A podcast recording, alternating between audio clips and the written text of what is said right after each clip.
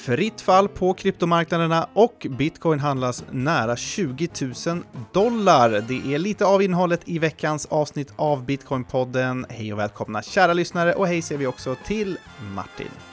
Hej Christian! Du, det är sommar ute äntligen, men på kryptomarknaden verkar det ju vara vinter.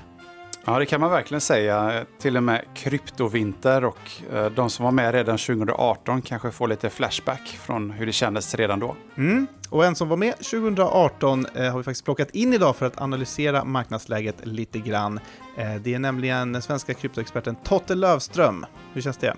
Ja, men det är alltid kul att ha Totte i studion. Han är ju lite vår husexpert. Så att när det händer sådana här stora händelser så är det alltid bra att ha eh, Totte här som kan eh, bena ut lite vad som har hänt. Mm, jag tror det är många som skulle vilja eh, höra lite analyserande av nuvarande läge helt enkelt. Eh, som vanligt ska vi också säga att Bitcoinpodden görs i samarbete med Trio, den svenska kryptobörsen där man kan köpa och sälja bitcoin och andra kryptovalutor eh, på ett väldigt smidigt och säkert sätt. Så gå in på trio.se och läs mer där. Nu kör vi igång veckans avsnitt.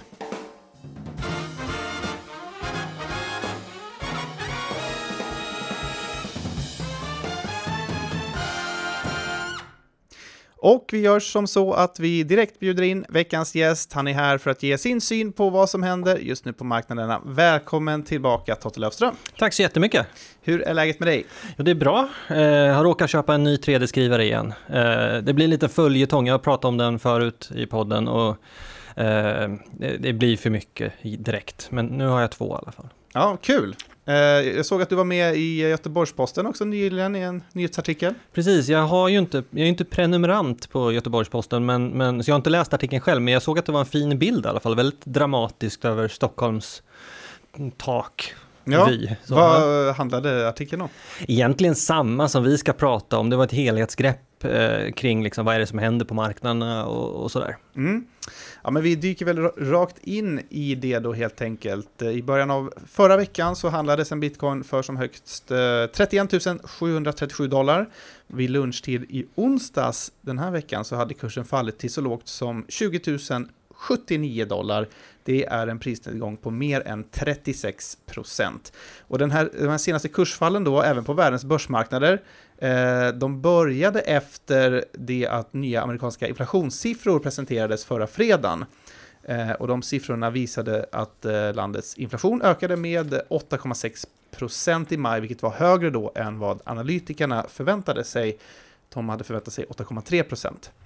Så inflationen fortsätter att stiga och centralbankerna eh, känner sig då nu tvingade att reagera på detta. Det här är något som jag och Martin har pratat om hela våren här i podden och nu verkar det hända då till slut.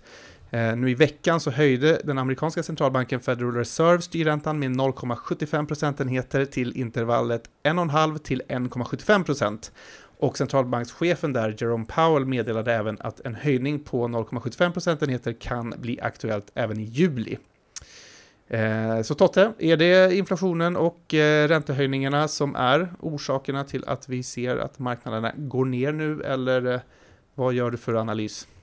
Alltså det finns ju massa olika liksom, enskilda delar som man kan peka på. Det, det är väl lite den tendensen som jag tycker görs både i media och liksom när folk diskuterar det. Men alltså så här, vi befinner oss, och det har vi gjort sedan årsskiftet, vi befinner oss i en tid när marknader går ner och nästan punkt därefter. Liksom. För eh, det är svårt, allting hänger ihop och, och, och liksom ränteoro hänger ihop med att inflationen går upp och, och så här jag tror att man ska finna sig i att vi, vi är i en nedåtgående trend nu och eh, i synnerhet med, med, så mycket nya småsparare. Vi har ju aldrig haft liksom, en situation där det har funnits så mycket småsparare och de har haft så mycket påverkan på, på marknaden, oavsett vilka marknader det handlar om, eh, som vi har nu. Så att det, det, det skapar liksom en situation, vi, vi är på väg ner, det, det är så det är. Men om man är ny i, i kryptovärlden och kanske har köpt bitcoin eh, på väldigt hög prisnivå och sen ser man allting gå ner nu, eh, hur ska man tänka? Alltså, ja, har man köpt bitcoin och fortfarande sitter på bitcoin nu, att man inte har sålt av längs vägen. Och det tror jag är en, en viktig orsak också till att, att, att, priset har fortsatt ner, är just att, att de som köpte in sig på toppen får panik och säljer av och då driver det på hela grejen ytterligare så.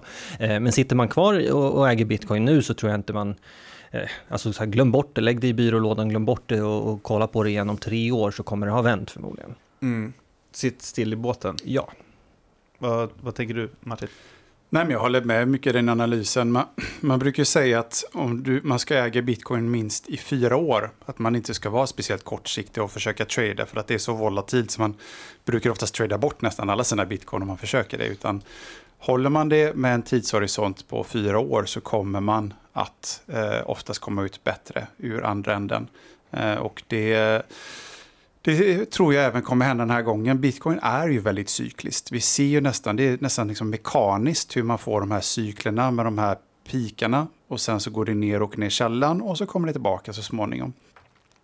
Eh, och nu när det är nere på 20 000, det ligger mellan 20 och 21 000, så är det nere vid någonting som kallas för 200 veckors glidande medelvärde. Mm. Det är många som tittar på det eh, eftersom 200 veckor är ju fyra år. Eh, och då kan man se hur priset förhåller sig till den här indikatorn. Och varenda gång, jag tror det var 2013 eller 2014, det var 2018, det var 2020. Varenda gång de, det gick ner så abrupt som den gjort nu, så touchade den alltid där och sen så stabiliserade sig och sen gick den upp igen. Och nu har vi träffat den igen. Eh, kan det fortsätta gå ner? Absolut. Men jag tror ändå vi har sett merparten av fallet än så länge. Precis, och det är väl lite där mitt resonemang bygger på också. Att jag tror väl verkligen, jag, jag har eh, lite så här, det är ju bara att man sitter och gissar för skojs skull så, men, men jag har väl gissat på att det, det kommer vända någonstans runt kanske 16 000 dollar. Eh, sen så om det händer nu eller om det händer i höst eller om det händer nästa vår eh, vet vi ju inte än och, och, om det överhuvudtaget händer. Men oavsett vilket, om man nu är liksom småsparare som har köpt lite bitcoin och man, kör, man ligger väldigt snett just nu. Jag tror att eh, liksom, de potentiella nedgångarna vi kan tänkas ha framför för oss är inte så himla dramatiska så att det är värt att hålla på och krångla och sälja nu, utan då är det nog bättre att bara sitta kvar. Eh, sen så med det sagt ska jag väl säga, jag sålde faktiskt av det jag hade på, på 30 ungefär, för jag hade liksom väldigt stark magkänsla att så här, shit, nu, nu har det legat parallellt alldeles för länge, nu kommer det hända någonting. Så att jag är faktiskt helt ute ur det nu. Mm. Ja, men sen är det om man vet vad man äger så är det oftast lättare att hålla kvar i det, även när det går ner så pass mycket. Och jag la ut en tweet här på Twitter för några dagar sedan där jag bara visar aktiviteten på Trio. Och det var en graf som visade de senaste 30 dagarna. Och då kunde man se fram till det här fallet, jag tror det började den 13 maj kanske, så var det ganska stabilt, gick upp lite runt lönen där 25 maj, annars ganska stabilt. Och sen eh, den 13-14 så blev det som en hockeyklubba. Att vi har liksom 3-4 gånger mer handelsvolym. Så de som vet vad de äger, som riktigt har förstått vad bitcoin är, de är ju superglada idag. Mm. Eh, så att jag tror också man ska titta på det från, det från den aspekten, att det är faktiskt någonting positivt också när bitcoinpriset går ner till de här nivåerna. För då kan de köpa fler bitcoin? Ja, för om man har den här övertygelsen att det här är någonting som man vill äga, man vill äga så mycket som möjligt och man kommer äga det över lång tid då vill man ju, det är ju då man vill gå in nu. Sen är det ju de som, ja, jag känner ju många som redan är fullinvesterade i bitcoin. då är det svårt att gå in med mer. Eh, men så länge inte du behöver pengarna, för vad ska du lägga pengarna i annars? Du vill inte gå in på börsen, du vill inte gå in på obligationsmarknaden. Vill du sitta och ha det på ett konto och du förlorar 10% per år? Nej, men bitcoin och börsen är väl ganska korrelerad också. Eh, så att vadå, när bitcoin vänder upp så kanske börsen vänder upp eller vice versa. Ja, så att då kanske ja, du vill gå in på börsen. Precis, historiskt sett har ju bitcoin visat sig vara en indikator för när um, klimatet, om man säger så, ändras. Mm. Så att uh, mars 2020 så bottnade ju bitcoin, jag tror det var sju eller åtta dagar innan börsen. Mm. Um, så det kan mycket väl vara så nu igen då. Mm.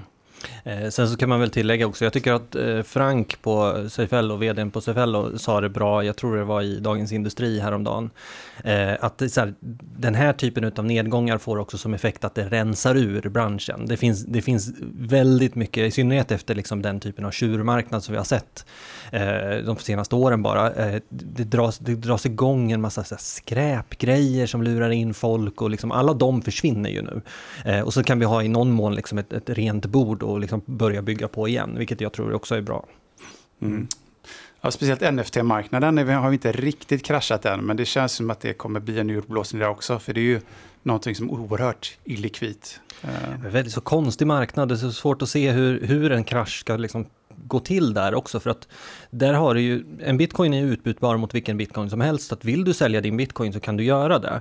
Eh, ska du sälja en NFT så måste du hitta en specifik köpare som vill ha den specifika NFT, oavsett om det är en apa eller vad det är. Liksom. Eh, och, och, så att jag tror att den kan vara liksom mycket, mycket mer utdragen och att folk går och tror att deras NFT är mycket mer värde än vad det faktiskt finns backning för ifrån marknadens sida. Ja.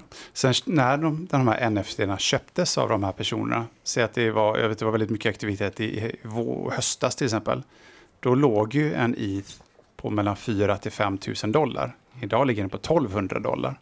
Så redan där får du ju en ganska stor liksom, priskorrektion på de här NFT-erna. För att annars behöver du sälja dem för mer ETH än vad du eh, köpte den för. Och det tror jag inte många är villiga att göra idag. Mm. Om vi tittar på kryptomarknaden och bitcoinpriset som verkligen har gått ner då senaste tiden här så har vi också debaclet med eh, kryptolångivaren Celsius som i början av veckan pausade möjligheten att göra uttag på plattformen och hänvisade då till i citat extrema marknadsförhållanden. Eh, och den här åtgärden då har skapat oro bland investerare att bolaget kan vara på väg att gå i konkurs, något som man då fruktar skulle kunna påverka andra stora bolag i kryptobranschen negativt. Eh, Celsius, det är ju en plattform som erbjuder kunder möjlighet att sätta in och låsa upp eller låsa kryptovalutor i utbyte mot en hög avkastning. Eh, Totte, varför har de hamnat i trubbel här? Alltså egentligen så eh, handlar det väl också, precis som allting annat, om att marknaderna går ner. Eh, jag tror att Celsius jag skrev faktiskt en, en, en Twitter-tråd kring det här och nämnde lite i förbifarten att, att jag undersökte, jag tror att det var 2020 redan, som vi undersökte eh, vad det liksom fanns för möjligheter kring just den typen av verksamhet som de har bedrivit. Alltså att de lånar in eh, krypto ifrån sina kunder och sen så lånar de ut det till någon annan. Eh, ganska förenklat. Eh, som en bank fungerar? Så. Ja, men lite, lite så som, ja men typ så. Skillnaden är att en bank, en bank, ja, skillnaden är att en bank har ju också dels, du har backning ifrån staten eh, och dessutom dessutom så kan ju du trycka nya pengar. Det kan ju liksom inte Celsius göra. Eh, men, men om man tänker sig så som banker kanske i, i liksom sin renaste form skulle kunna tänkas fungera. Eh, ungefär så. Mm. Eh, dilemmat med det är att det krävs att det finns efterfrågan i båda ändar utav det här. Det krävs att det finns folk som vill tjoffa in sin krypto och, och liksom få ränta ifrån Celsius. Men det krävs också att Celsius har eh, företag och, och, kunder liksom på andra sidan som är beredda att låna och betala en ganska hög ränta. Mm. Eh, och det funkar när, när allt är frid och fröjd och marknaden bara rusar, för då vill alla låna bitcoin och tjäna massa pengar på det. Eh, när det däremot vänder ner som det har gjort nu, eh, så sinar den och då blir det en obalans i hela deras system. Och jag tror att det är framförallt det vi märker av nu. Mm. Sen har vi det här med syntetiska eter också. Martin, jag vet att du har kollat lite på det där och att det har ja, någonting med det här att göra. Vad handlar det om? Ja, så Celsius är ju en låneplattform och det finns olika sätt egentligen som de kan betala ut ränta på de här insatta kryptovalutorna. Det ena är ju att de lånar ut det till eh, exempelvis hedgefunds eller liknande som vill använda dem för trading. Exempelvis om de vill korta en kryptovaluta så lånar de ju den, säljer den och köper tillbaka den sen förhoppningsvis till ett lägre pris och så får man tillbaka den och så betalar de en ränta för det. Det andra sättet är ju att Celsius stakar eh, kryptovalutorna åt eh, kunderna. Stakar på ethereum 2.0? Liksom. Exempelvis här ethereum 2.0 mm. för att de har ju inte gått över till proof of stake än. De har ju kvar proof of work. Men man kan staka sina ETH på eh, den här ETH 2.0 redan.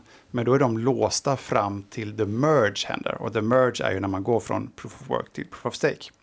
Eh, så då, får, då kommer den eh, ska man säga, räntan därifrån. Problemet är ju att allt det där går ju bra tills kunder väljer att ta ut sina kryptovalutor. Och i och med det som hände nu med Terra eh, och deras stablecoin UST så är det väldigt många som blev rädda av att ha sina kryptovalutor på sådana här plattformar. För det är den här klassiska not your keys, Mm. not your coins. Men jag tänker man låser upp sina kryptovalutor på, på eh, Celsius. Eh, det, har man ingen upplåsningsperiod eller så att man måste, att det, man måste, man får inte röra dem på ett visst tag och så? Nej, utan det jag kunnat läsa mig till är att du kan ju ta ut dem. Och det är ju det som är problemet med, det här just ETH, för att de är ju låsta i protokollet. Och då togs det ju fram en syntetisk produkt som ska vara en eh, så här ett till ett peg mellan ETH och den här kallas för ST-ETH. Så man kan trada in och ut ur ST-ETH. Mm. Problemet var att det finns ju inget riktigt som eh, backar upp den peggen och den peggen, har, har, jag tror den ligger på 0,95 senast jag tittar Mm. och är på väg ner. Och det är ju ett jätteproblem för Celsius och jag tror inte riktigt jag har spelat ut sig riktigt än heller. Nej, och att många kanske har just det här uh, Terra-debaclet uh, färskt i minnet också, Ja. att uh, deras PEG inte höll. Liksom. Och vi vet ju inte heller hur eh, utsatt Celsius var mot just Terra och deras USD. UST, jag säger alltid fel där. Ja, precis, för Celsius eh, ska ju enligt uppgift då ha varit investerade i Terra, men de har ju uppgett då att den här positionen eh, var minimal. Såklart. Ja, eh, så att, Det är alltid minimalt när det, när det är potentiellt dåligt. ja, du menar att de skulle fara med osanning? Nej, det menar jag inte, men jag, men jag ser ju lite liksom, i deras kommunikation, eh, genomgående så handlar det mycket om att så här, men det här gör vi för Celsius-communityts skull, så stoppar vi uttag och sådana saker. Eh, och det är ju inte sant, de försöker ju rädda bolaget för att de förmodligen är ute på väldigt, väldigt hal is om de inte redan har gått igenom, men försöker lappa ihop det och liksom ta Mm. sig upp på land igen. Eh, väldigt långtgående metafor där, men Men just det här syntetiska eter, alltså det, jag, jag, jag, det för tankarna till, eh, ja, till finanskrisen och så här synthetic CDOs, eller vad det heter, liksom, med eh, ja, eh, den kollapsade bostadsmarknaden i, i USA 2007. Och jag tror inte vi har sett slutet av det här. Det började ju med som sagt Terra Luna och många bolag var nog, blev nog väldigt påverkade. Det är bara att det tar lite tid innan man lyckas reda ut och det spelar ut sig. Eh, det finns ju en fond som heter 3AC, eh, jag tror det är 3 Arrow Capital, eh, som det går riktigt, riktigt illa för. Och problemet är då när du blir insolvent, då måste du försöka sälja och du försöker sälja allt. Och du, du försöker du också sälja kanske det som är mest likvidt, alltså du kan sälja till ett ska man säga, bevarat pris. För om du sitter på mycket altcoins där det inte, marknaden är helt dött, det går knappt att sälja, du får sälja till en jätterabatt. Då kanske du säljer saker som bitcoin och ethereum innan, för den marknaden är väldigt likvid. Du påverkar inte priset lika mycket. Och det är troligtvis de som har kört ner de här priserna i botten nu på sistone. Mm. Och problemet är också är att i och med att de, när du säljer din, dina tillgångar så påverkar du också priset neråt.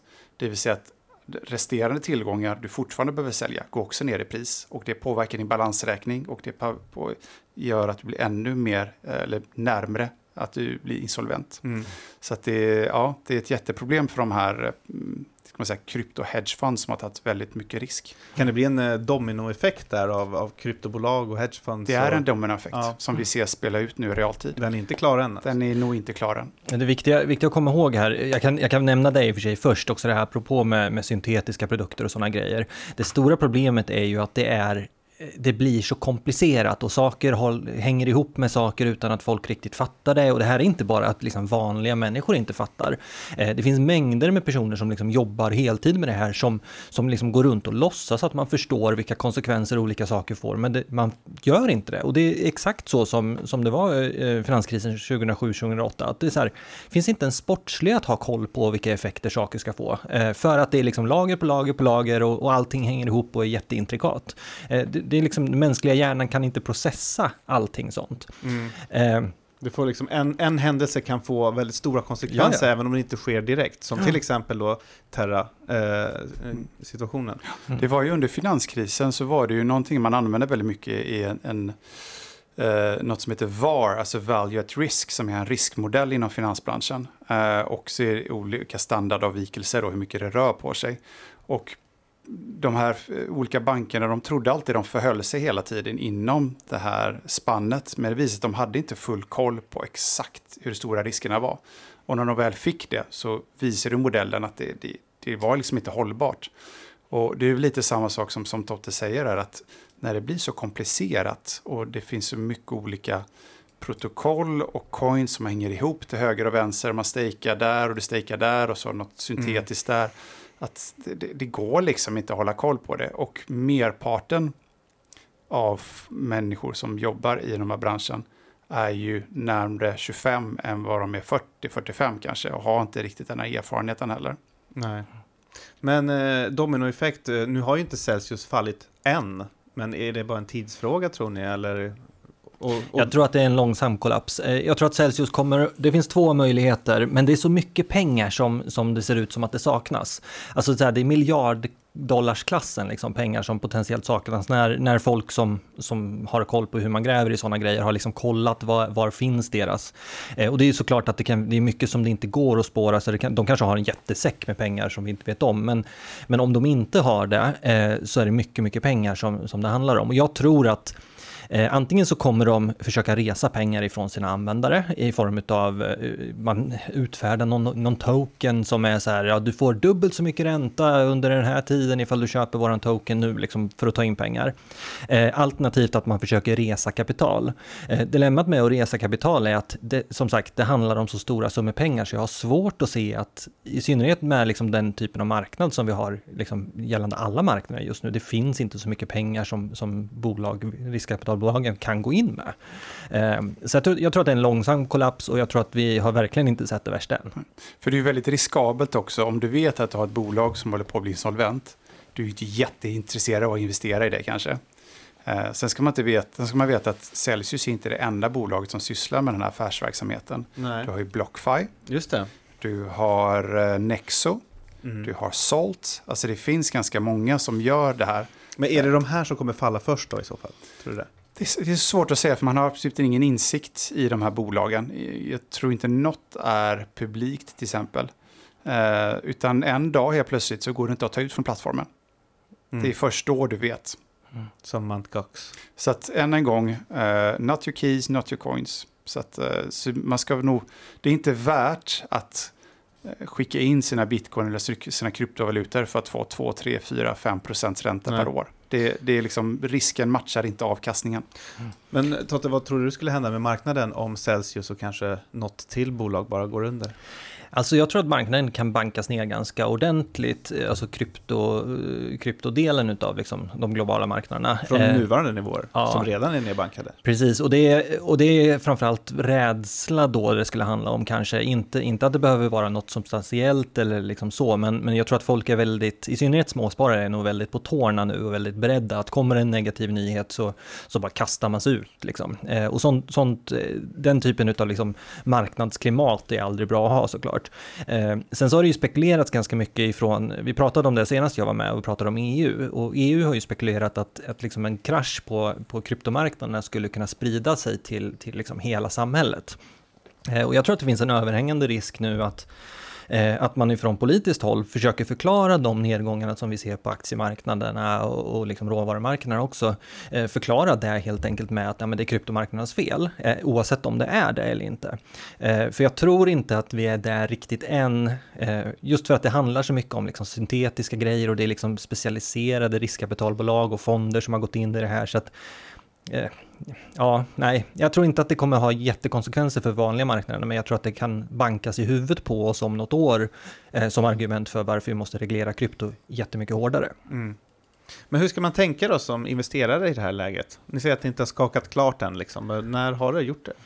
Det vet man ju aldrig. Och, och... Ska man vara avvaktande då kanske? Eller? Nej, men ja, alltså jag tror att man Alltså det, dollar cost averaging är väl en jättebra lösning. Eh, Känner du till någon bra tjänst som man kan göra det med? Jag, jag gör ju inte det. Har ni något tips eller?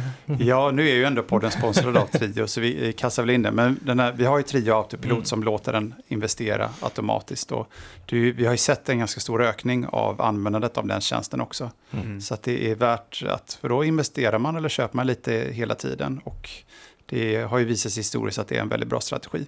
Det handlar i grund och botten om att det är jättesvårt att pricka topp, eller botten på samma sätt som det är jättesvårt att sälja på toppen. Eh, man vet inte. För då har alla gjort det. Mm. Ja, ja, gud ja. Eh, nej, men och, så det är väl det bästa, bästa tipset. Sen så, så här, köp bitcoin. Håll inte på med allt skräp liksom som finns och alla, alla liksom så här altcoins som, som funkade hur bra som helst och bara gick upp och gick upp i, när det var, var brinnande tjurmarknad. För att de, många av dem kommer försvinna.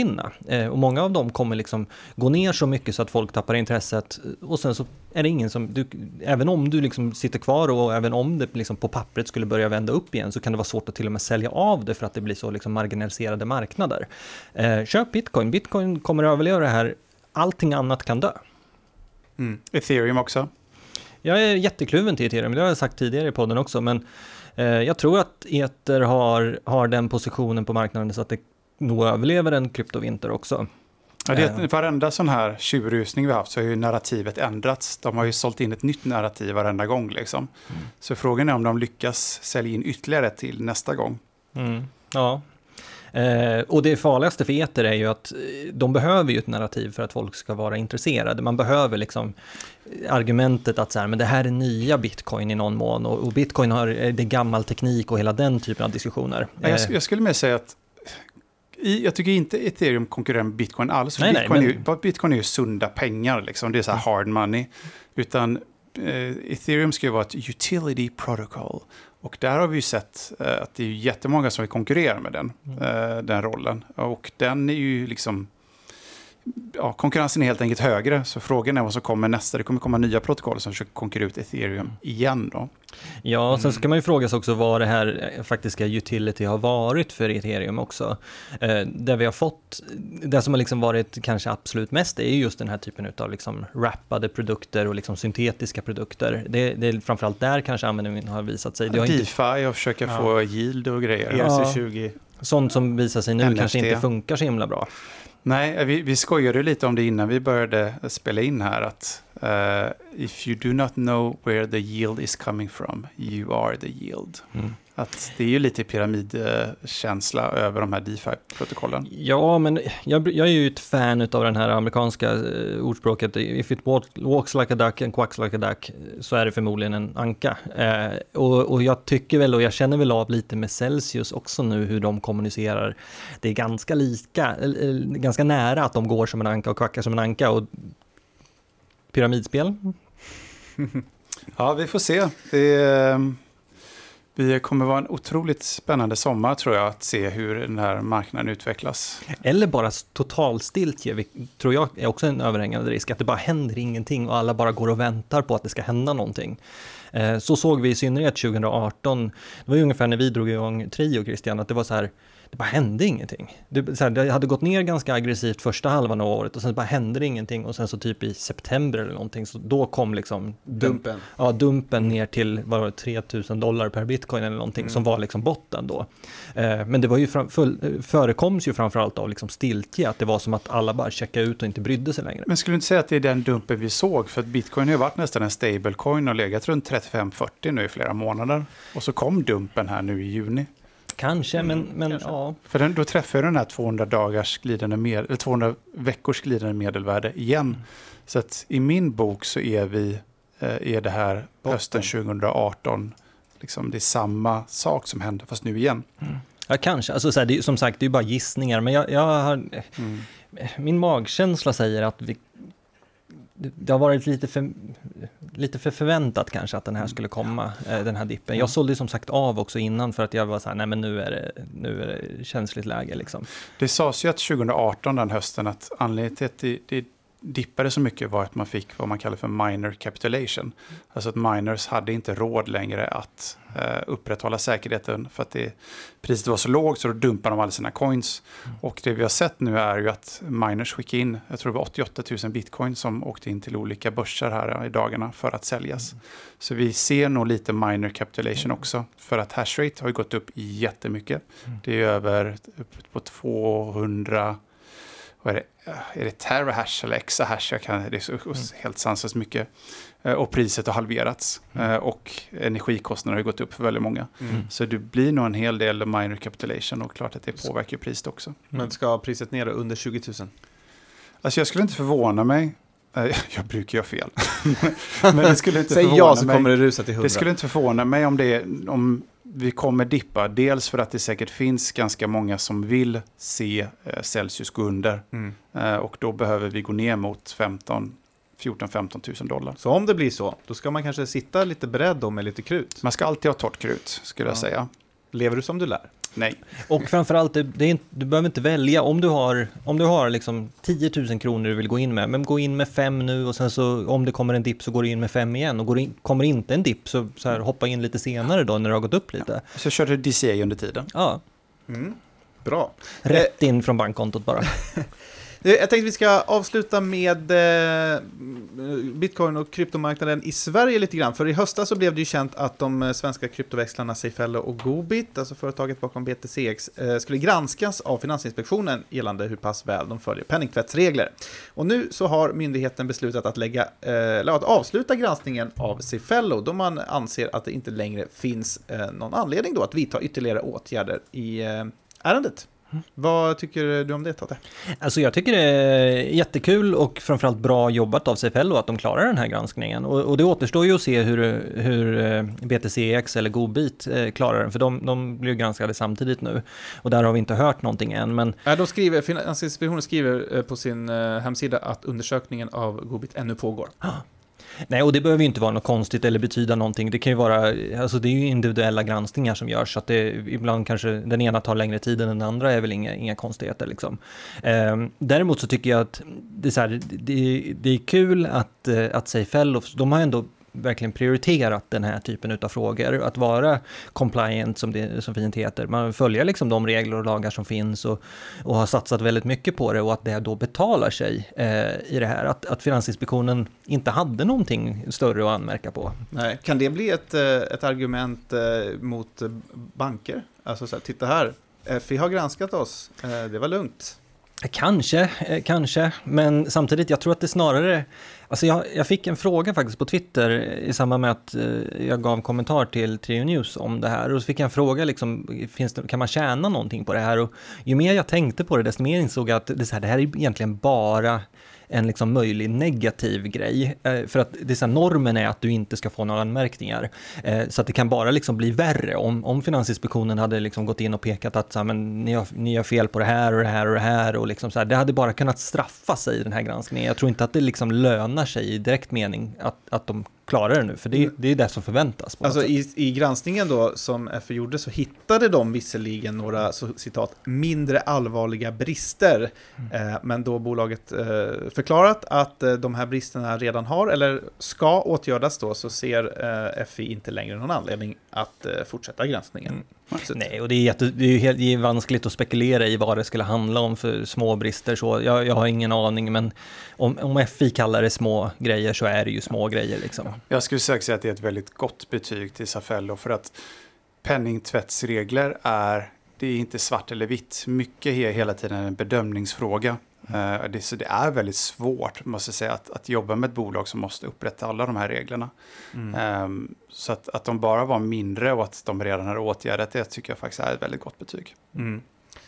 Totte, i, i Trios eh, början, hur, hur tänkte du på förhållandet till regelverk och eventuell granskning från Finansinspektionen då? Hur gick tankarna? Alltså så här, det är väl klart att vi, vi försökte, vi gjorde ju allting vi kunde för att liksom följa de regler och lagar som, som finns och sådär. Men precis som Martin säger så är det, det är otroligt snårigt och, och du behöver liksom nästan ha vi hade ju inte det på Trio då, liksom någon som jobbar heltid med att liksom hålla koll. Det har ju Cifello till exempel. De har ju liksom heltids, eh, liksom en compliance-avdelning mer eller mindre, på samma sätt som bankerna har det.